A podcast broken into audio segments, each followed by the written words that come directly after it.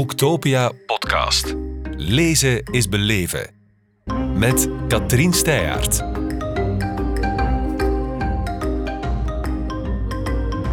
En met Lotte Leenaerts, welkom. Dankjewel voor de uitnodiging. Met plezier. Je hebt je boek Trouw meegebracht, je debuutroman, uitgegeven bij Pelkmans. Ik heb al horen waaien dat die wordt omschreven als Sex and the City, maar dan in de campen. Kun je leven met dat etiket? Ik kan zeker leven met dat etiket. Ik vind dat een, eh, een heel mooi compliment, dus uh, ik ben daar zeer blij mee. Oké, en vertel eens, wie zijn de Carrie, Samantha, Miranda en Charlotte van dienst? Uh, het gaat hier inderdaad ook om vier vriendinnen. Um, en de titel, Trouw, betekent eigenlijk voor elk van hen iets anders. Um, Isa bijvoorbeeld, zij is eigenlijk ontrouw. Zij heeft uh, net een kindje gekregen en zij heeft last van een uh, postnatale depressie. Um, en in ja, een poging om daarmee om te gaan, uh, ja, gaat ze eigenlijk vreemd met een jongere collega. Emilie dan, daarbij is de titel iets gemakkelijker toe te passen. Zij, um, zij is haar trouw aan het plannen, dus zij is net verloofd. Olivia die is het vertrouwen in haar eigen lichaam kwijt, dus trouw in vertrouwen. Um, omdat ze probeert om zwanger te geraken en dat lukt maar niet. En uh, de laatste, of het laatste personage is Louise. En uh, zij zorgt eigenlijk heel trouw voor haar uh, vader, die in een rolstoel zit. En zij heeft gezworen om nooit nog verliefd te worden. Oké, dat is een hoop stof om mee aan de slag te gaan. Heb je dan eerst dat hele idee, die constellatie van die vier? Of begint het met losse flarden die je dan samenkleeft? Het uh, begon eigenlijk bij de aparte personages. Ik denk dat ik uh, begonnen ben met het idee van Emily. Dat ik wist van, ik wil iemand die een uh, trouwfeest aan het plannen is. Want dat was je zelf namelijk ook aan het doen? Nog niet. Ah, nee, nog niet. Nee, het, ik denk dat, het, dat ik het boek misschien Trouw heb genoemd onbewust om mijn uh, toen nog vriend een beetje extra aan te sporen uh, om uh, een huwelijksaanzoek te doen. Uiteindelijk is het wel gelukt. ik heb op een maandag te horen gekregen dat het boek uitgegeven zou worden en op vrijdag heeft hij met een huwelijk gevraagd. Dus, oh, kijk, die jongen heeft gevoel voor timing. Ja, ja, ja. Fantastisch. Maar dus dat was eigenlijk niet de bedoeling als je aan het schrijven was. Misschien onbewust zat dat erin, maar... Nee, dat was zeker niet het idee waarmee dat ik vertrokken was. Maar ik had wel zoiets van, ik wil graag een verhaal schrijven over iemand die een, een trouwfeest aan het plannen is en er dan toch achter komt dat, uh, dat niet alles zo mooi is in het echt als uh, hoe dat je het in je hoofd gepland had. En, uh, Waarom dat donker randje? Um, omdat ik eigenlijk... Ik, ik, ben niet begonnen met het idee van ik wil uh, veel goed schrijven, maar ik wist wel, ik wil iets schrijven waarin dat het niet alleen um, het, het positieve is. Dat is in het echte leven ook niet zo. Nee, er zijn waar. sowieso mooie kanten aan het leven, ook minder mooie kanten. En die zorgen er samen gewoon voor dat je leven is zoals het is. Dus ik wou dat eigenlijk heel graag allebei aan, uh, aan bod laten komen. En mijn personages door toch wel wat miserie uh, duwen om te kijken wat ermee, uh, wat ermee zou gebeuren. Vandaar dat je dus ook thema's als postnatale depressie of ongewenst kinderloos blijven, dat, dat je dat ook niet uit de weg gaat. Nee. Nee, ik had zoiets, dat zijn uh, thema's die daar heel universeel zijn. Uh, dat zijn problemen, um, ja, struggles waar daar heel veel um, vrouwen of koppels mee te maken krijgen. Um, en ik wilde daar iets mee doen. Ik wilde, daar, ik wilde die, die vrouwen ergens toch een stem geven in mijn, uh, in mijn boek. En had je bepaalde voorbeelden, boeken die ongeveer belichaamden wat je wilde doen? Uh, niet echt. Ik ben zelf uh, ondertussen wel een, uh, een, een chicklit lezer geworden.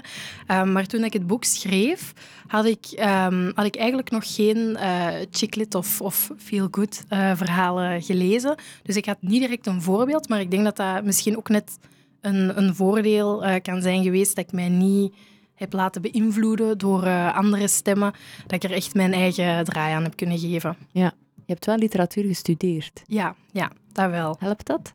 Um, ja, misschien wel. Ik heb natuurlijk al heel veel gelezen dan. Um, en daar zijn sowieso wel elementen uh, die je dan herkent of dat je weet van oh, dat is iets leuks, daar wil ik ook iets mee doen. En uh, trouw komt misschien wel een beetje uh, voort uit mijn vak over de composite novel, waarbij dat ja, dat een boek ook bestaat uit verschillende standpunten en hoofdstukken die ergens ook een beetje los van elkaar gelezen kunnen worden. Maar door ze samen te voegen voor een, uh, ja, een mooier geheel zorgen eigenlijk. Het is niet helemaal uh, wat trouw geworden is, omdat uh, ja, de verschillende hoofdstukken niet apart gelezen kunnen worden. De verschillende verhalen van de vriendinnen misschien wel. Maar het zorgt sowieso voor een mooier geheel als, als dat allemaal bij elkaar komt. Ja. En is het onderweg dat je dan een soort uh, spanningsboog opbouwt of een plotlijn uitzet? Of wist je ook van tevoren waar je naartoe wilde? Uh, ik had van tevoren een, uh, een, schriftje gekocht en ik had uh, elk personage een pagina gegeven, waarbij ik dan eigenlijk opschreef ja, fysieke kenmerken, want ik heb een heel slecht geheugen, dus ik had zoiets van, ik moet, ik moet dat moet onthouden dat ze blond haar heeft, ja. van anders ga ik de mist in. Ja, ja anders ja. dan gaat dat personage er op het einde helemaal anders uitzien dan in het begin. dus dat soort zaken schreef ik daarop. karaktereigenschappen ook, dat ik wist van, oké, okay, nu ga ik een hoofdstuk schrijven vanuit Emily. Ik moet zorgen dat ik dat karakter daar duidelijk in naar voren laat komen. Um, en ook waar ik wilde dat het verhaal zou beginnen en waar de personages moesten eindigen. En hetgeen dat daartussen zat, dat was meestal nog een beetje vloe allemaal en dat is gaandeweg vooral gekomen. Is dat dan zo het plezier van zo het allemaal in handen te hebben, de regisseur van die mensen hun leven te zijn? Uh, ja, ik denk maar dat, dat eigenlijk... veel schrijvers het daarvoor doen. Ja, maar ik heb als auteur eigenlijk juist niks te zeggen over mijn personages. Want ondertussen probeer ik voor elk hoofdstuk dat ik schrijf al uh, te bepalen van oké, okay, in dit hoofdstuk gaat, gaat dat gebeuren en gaat dat gebeuren. En dan begin ik soms te schrijven en dan, dan zeggen die personages ja... Whatever. Whatever, ik ga iets anders doen. En je en, laat dat toe? Ja, ja dan denk ik, als mijn personages dat willen doen, dan doen ze maar en dan zie ik wel uh, waar het ons brengt. Dus dat is een kwestie van intuïtie. Voelen dit klopt beter bij dit personage dan wat ik misschien van tevoren had bedacht. Ja, um, nu, dat gaat meestal niet over de grote verhaallijn, want die blijft meestal wel ongeveer hetzelfde. Maar dat gaat dan over ja, hoe dat bepaalde personages zich gedragen of, of met bepaalde problemen die ze tegenkomen, hoe ze daarmee omgaan, hoe ze daarop reageren. Um, dus ja, dat kan soms wel eens anders zijn dan dat ik in gedachten had voor ik aan het boek begon. Dat lijkt me ook het boeiende aan het schrijfproces. Zeker, ja. Voor wie is dit boek bedoeld? Volgens jou? Um, toen ik het schreef, had ik niet zoiets van ik heb een specifieke doelgroep in, uh, in gedachten. Het was pas toen de uitgeefster mij zei, ja, dit is eigenlijk echt um, feel good, een, een chicklit gericht op, uh, op jongere vrouwen.